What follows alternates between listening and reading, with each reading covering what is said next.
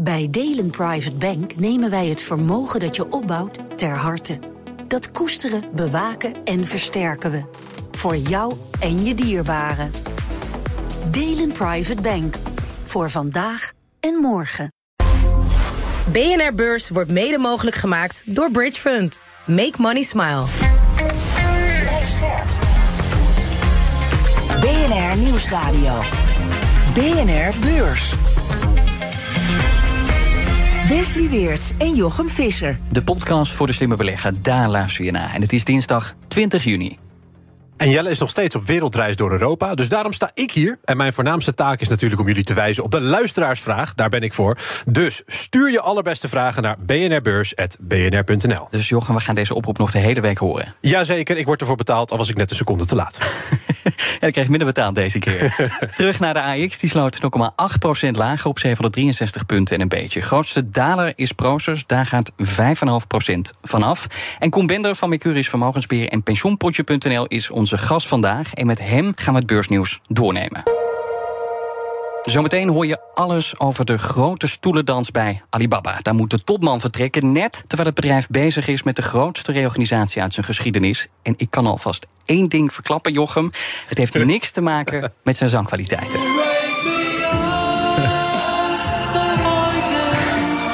Ja, dat doe je in China. Precies.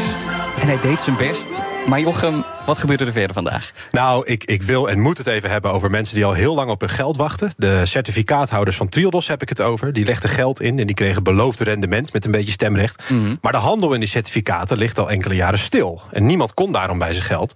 En dat leverde spandoeken op bij de rechtbank. Duurzame diefstal, Trios, Triodos tragedie stond erop. Maar ook letterlijk geschreeuw op aandeelhoudersvergaderingen. Nou, inmiddels is de strijdbijl uh, begraven. En volgende week kunnen de certificaten weer worden verhandeld. Op een soort mini-beurs voor Triodos-certificaat. Maar dat is goed nieuws dus. Nou, dat is nog maar even de vraag. Want de bank waarschuwt al, die dekt zich heel erg in. Uh, die handel kan flink volatiel zijn. En, en die kan ook weer stilgelegd worden als het, als het toch een beetje misgaat. Want ja, het is een klein beursje van alleen Triodos-certificaten. Nou, dan naar de man die in een kast uit Japan ontsnapte. En dan heb ik het natuurlijk over Carlos Ghosn, de ex-topman van Nissan. Bijna vier jaar na zijn spectaculaire ontsnapping eist hij een fikse schadevergoeding. Hij wil 1 miljard dollar van de autobouwer en klaagt Nissan en meerdere werknemers aan. Maar eh, waarom vindt hij dat hij recht heeft op 1 miljard? Ja, daarvoor moet je een klein beetje de achtergrond kennen. Ghosn werd natuurlijk in 2018 ontslagen na beschuldigingen van fraude. Ook werd hij gearresteerd. Maar Ghosn zegt dat Nissan en die medewerkers zijn arrestatie hebben geregeld zodat ze hem op straat konden gooien. en hij zegt dat ze daarmee dus zware schade hebben aangericht aan zijn financiën, maar ook aan zijn reputatie. Iets waar hij naar eigen zeggen de rest van zijn leven onder leidt. Vandaar dus ook die uh, hoge schadevergoeding. En dan wil ik het nog even hebben over de reservemunt van de cryptowereld. Uh, Tether heet die. Dat is een zogeheten stablecoin, vastgemaakt aan de dollar, zodat die altijd precies 1 dollar waard is. Nou, daardoor is Tether enorm belangrijk voor de cryptowereld, want je kan dan altijd van crypto naar dollars gaan. En als dat misgaat en een Tether helemaal niet een dollar waard blijkt te zijn, nou dan valt de helft van alle cryptohandel stil, schrijft het eh, FD vandaag. Ja. Maar ja, nu is er natuurlijk een zogeheten cryptowinter. FTX is laatst ingestort, hele belangrijke beurs. Het gaat mhm. even minder. En nu groeit het aantal tethers opeens enorm hard. En niemand weet waarom. Okay. Tether is een, is een soort dubieus bedrijf met een onvindbare Nederlandse CEO in Hongkong. Eh, amper controle ook. En nou is de vraag, waar komen al die tethers vandaan? Want ja, dat helpt de bitcoinprijs wel stuwen, maar we willen het wel weten.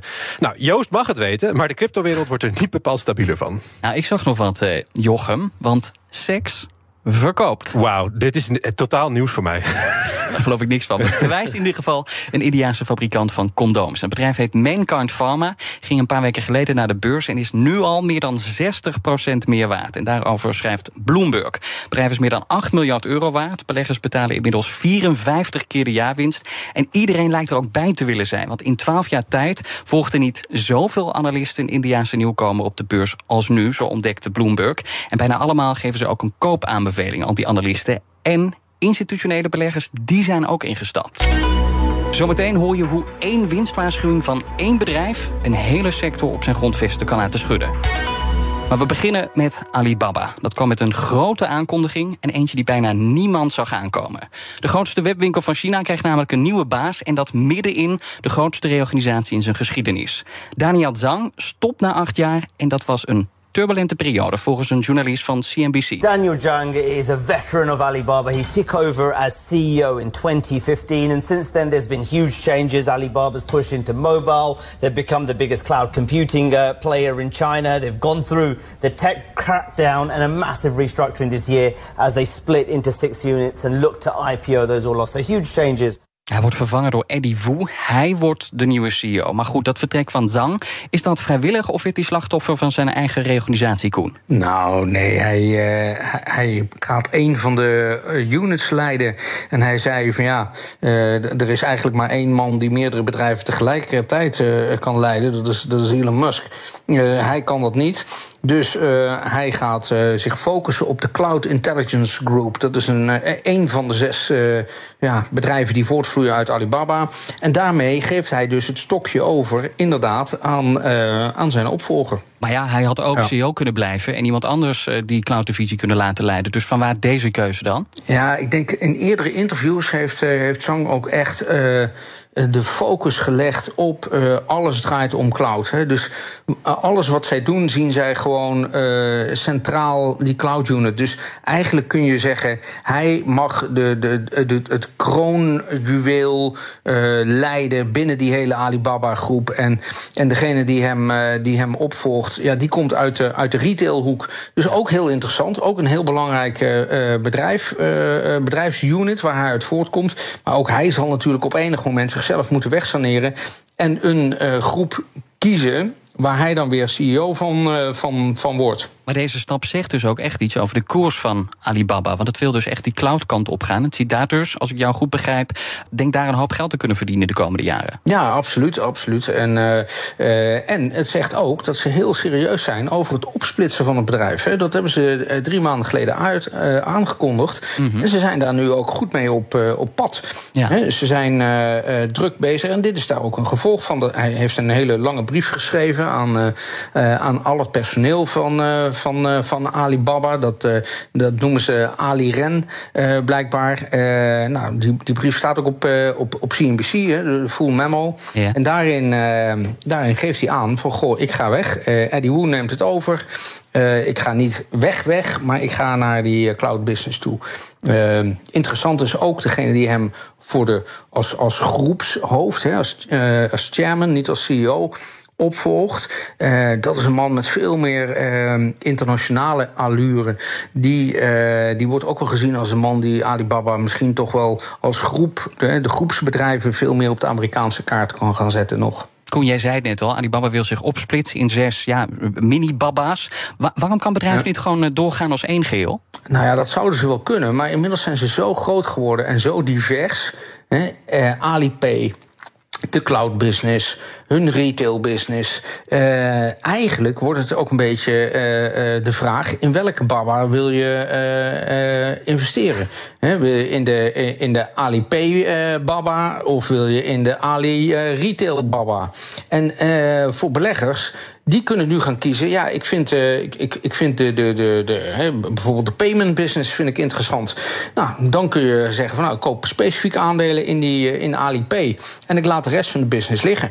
Dat, dat is op zich. Bovendien, wat je ook heel vaak ziet, is als die bedrijven zich splitsen en eigen CEO's krijgen die het kunnen doorontwikkelen, ja, dan kunnen die bedrijven veel harder en veel vrijer voelen, uh, groeien dan dat ze dat in een totale uh, groep kunnen doen die misschien toch wat hiërarchisch is, waar wat meer politieke belangen gaan spelen. Ja, die dus individuele onderdelen die worden natuurlijk meer waard dan. Dat, dat is altijd de truc volgens mij. En dan heb ja, ik natuurlijk is... de vraag voor jou, Koen welk van die zes is het meest interessant als aandeel? Want het gaat volgens mij nog anderhalf jaar duren of zo. Maar waar zou jij op wedden? Nou ja, ik denk dat uh, uiteindelijk alles uh, uh, ja, wat terugkomt... komt toch ook wel weer terug in die cloud business. Hè. Dat zien we bij Amazon, dat zien we bij, bij, bij, Microsoft. Dat zijn de snelst groeiende businesses. Natuurlijk kun je zeggen, hè, daar kun je inmiddels artificial intelligence aan toevoegen. Mm. Maar het meest ver ontwikkeld is toch wel die cloud. Daar zit alles wel, komt daar wel weer een stuk voor terug. Uh, het is niet voor niets dat ze dat als de eerste, uh, eerste spin-off gaan zien. Dus ik denk dat dat wel uh, de meest interessante, de meest center core-achtige is. Ook degene die, die het snelste schaalbaar is. En wat nou als je al aandelen Alibaba hebt? Wat gebeurt er daarna eigenlijk mee? Wordt dat allemaal netjes naar raad overrekend met elkaar? Want je hebt Hongkong Alibaba-aandelen, je hebt Amerikaanse certificaten van Alibaba. Hoe gaat dat precies? Wat ik daar uh, zo nu voor de, voor de vuist weg uh, het voorbeeld van anderen neem die dit gedaan hebben. Wat je eigenlijk uh, doet, is je ruilt je oude aandeel Alibaba in. En je krijgt twee Baba-baby's terug. Dus je krijgt een Alibaba zonder de cloud business. En je krijgt een aandeel van de Cloud Intelligence Group, die het gaat, gaat heten. Dus ja, daar waar je er één in portefeuille had, krijg je uiteindelijk aan het einde van de rit heb je zelfs verschillende aandelen. Wordt nog een leuke stoelendans dan tussen al die beleggers die hun favoriete plekjes op gaan zoeken. Zeker, en ook goed nieuws voor de banken. Want als die per regel bewaarloon afrekenen, dan hebben ze het ook maal zes. Puntje van zorg bij Alibaba is natuurlijk ook die beurswaarde, want die is sinds de piek door drieën gedeeld. Ja, wat gaat dit Hmm. met die beurswaarde doen? Gaat dit uh, een boost geven als de boel wordt opgesplitst? Ja, uiteindelijk is wel, uh, er spelen er meerdere dingen. Uh, alle donkere wolken die er waren, de ruzie met de overheid, het verdwijnen van Jack Ma, die um, verdwijnen langzaam maar zeker, mag je, mag je aannemen. Dus dat geeft wat ruimte naar boven toe. Ja. Maar er is bijgekomen als donkere wolk dat het herstel in China uit de COVID-periode, dat dat toch een stuk langzamer gaat. Hè. Vandaag ook de Chinese overheid die de rente toch weer verlaagt mm -hmm. om de economie aan te jagen.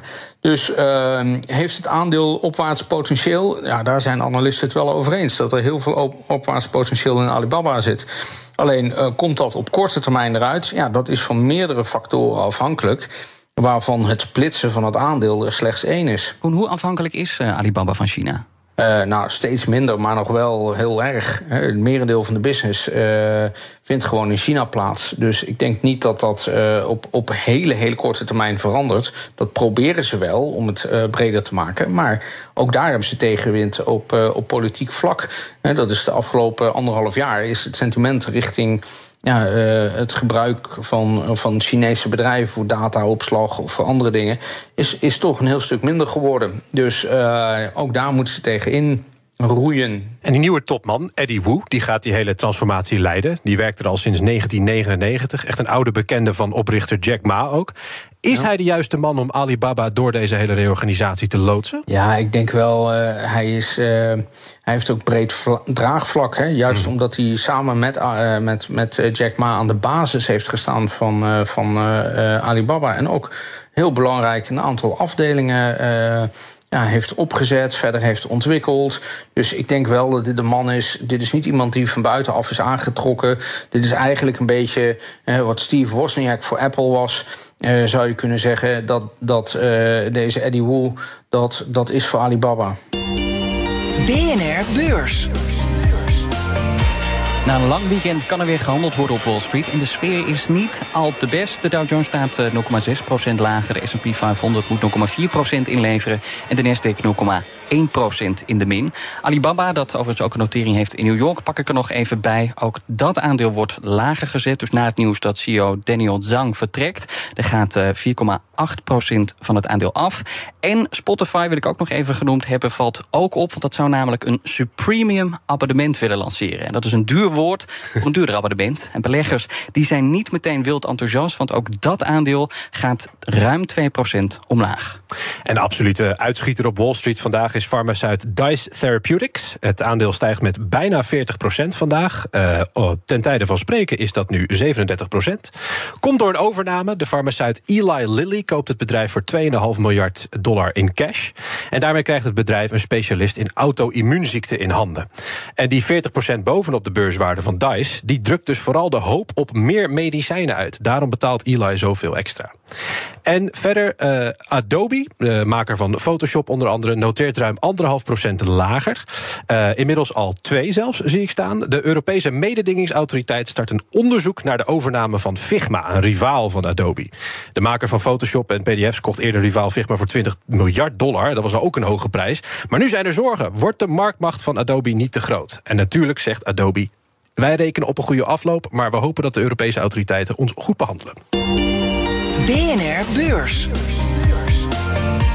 De hele Europese chemiesector krijgt vandaag een flinke dreun. En dat allemaal door één winstwaarschuwing van één bedrijf, want het Duitse Lanxess slaat alarm. De winst valt dit kwartaal maar liefst de helft lager uit dan gedacht. En die boodschap hakt erin bij beleggers. Het aandeel verliest meer dan 15 procent. En ook andere chemiebedrijven worden meegesleurd. Zo verliezen in eigen land DSM, AXO en IMCD tot bijna 4 procent op de beurs. Even voor de mensen die Lanxess niet kennen, wat is het voor bedrijf, Koen? Ja, het is een uh, specialty uh, chemiebedrijf uit, uh, uit Duitsland. Dat is een spin-off van, van, van Bayer. meerdere, meerdere afdelingen, meerdere producten die zij maken. zowel voor consumentengoederen als ook automobielindustrie. Dus ze zijn eigenlijk best wel, best wel breed in, in datgene wat ze doen. Uh, en dat is misschien ook meteen wel de verklaring ja. waarom dit zo impactvol is. Hè? Want uh, ja, als, als zij zo uh, eigenlijk abrupt een, een persbericht naar buiten moeten brengen. Dit was niet gepland. Hè. Dit, dit is echt een ja, unscheduled release, een ad hoc uh, uh, release. Mm -hmm. Ja, dan, dan worden zij dus eigenlijk verrast door het uitblijven van enig marktherstel. Daar schrijven ze ook wel het een en ander over in hun persbericht. Maar ja, ze geven aan dat het de volle breedte is die tegenvalt. Uh, vooral de, de, de, de, bouw uh, waar ze aan leveren. Uh, maar ook de normaal stabiele consumer-related products die uh, het minder goed doen. En ze zien ook geen herstel komen, ook niet in de lopende maand. Maar Koen, is deze waarschuwing dan ook een goede voorspeller voor de rest van de sector? Oftewel, verwacht je meer winstwaarschuwingen in die sector? Nou ja, ik, ja, daar, daar mag je wel rekening mee houden. De, de reactie bij andere chemiebedrijven was er wel, maar in een markt die algemeen ook lager is. Dus om nou te zeggen dat dat direct allemaal er langs is toe uh, te schrijven is, dat is misschien wat uh, heel kort door de bocht. Maar uh, er is wel degelijk wat aan de hand. En ja, dat, daar waarschuwen ze zij voor. Je moet zien dat dit soort, dit soort bedrijven die eigenlijk grondstoffen leveren. En dit, dat is een hele early indicator. En uh, van hoe het de komende paar maanden bij andere bedrijven misschien gaat. Als Volkswagen nu al stopt met het bestellen van onderdelen die normaal gesproken in de auto's terecht moeten komen. Of de bouwsector stopt met het. Uh, uh, bestellen van, uh, van grondstoffen. Ja, dan, dan mag je ook ervan uitgaan dat over een paar maanden daar minder productie is. En uh, in die chemie sector zelf, voor welke bedrijven vrees je dan het meest? Nou, ik denk dat dat uh, de bedrijven zijn die, die uh, direct ehm, concurreren met, een, met een Lanxess. Dus ja, AXO misschien wat eerder. bedrijven die, die, die autoverf maken. Dus hoe heet die grote fabrikant ook weer uit Amerika, die daar die AXO in het verleden heeft geprobeerd over te nemen. Uh, dat soort bedrijven die zullen daar het meeste, uh, meeste uh, van merken. Ja, nou is het DSM ook een van de daders, maar dit bedrijf heeft wel specifieke eigen problemen. Want na de fusie met Firmenich daalde het aandeel een korte tijd met meer dan 20 procent. En dat is niet toevallig, vertelde Errol Keiner van beleggersvereniging VEB eerder in BNR Beurs. Want mogelijk heeft DSM met Firmenich een hoop ellende in huis gehaald. Ze worden nu beschuldigd van kartelvorming in het verleden. Het zijn smaak- en geuringrediënten die, die ze hebben verkocht. Met een paar partijen op de wereld die dat op grote schaal doen. Uh, dan zijn beleggers niet alleen bang voor enorme boetes die gaan komen, maar ook dat in de toekomst de prijzen voor die ingrediënten een stuk lager gaan zitten. En dat die zeer aantrekkelijke marges ook een stuk omlaag gaan zijn. En dan vervalt de hele basis voor die, voor die fusie. Ja, Koen, dan blijft er één hamvraag over. Heeft DSM een kat in de zak gekocht of niet? Nou ja, kat in de zak, uh, dat, dat, dat vind ik wat ver gaan om dat nu zo uh, te zeggen. Hoe zou je het wel uh, noemen? Ik denk, nou, kijk, er zijn meerdere dingen die tegelijkertijd spelen bij, uh, bij DSM. Laten we niet vergeten dat DSM uh, een beurslieveling geworden is onder uh, Fijke Siebersma. Die heeft gewoon een ontzettend mooie legacy neergezet.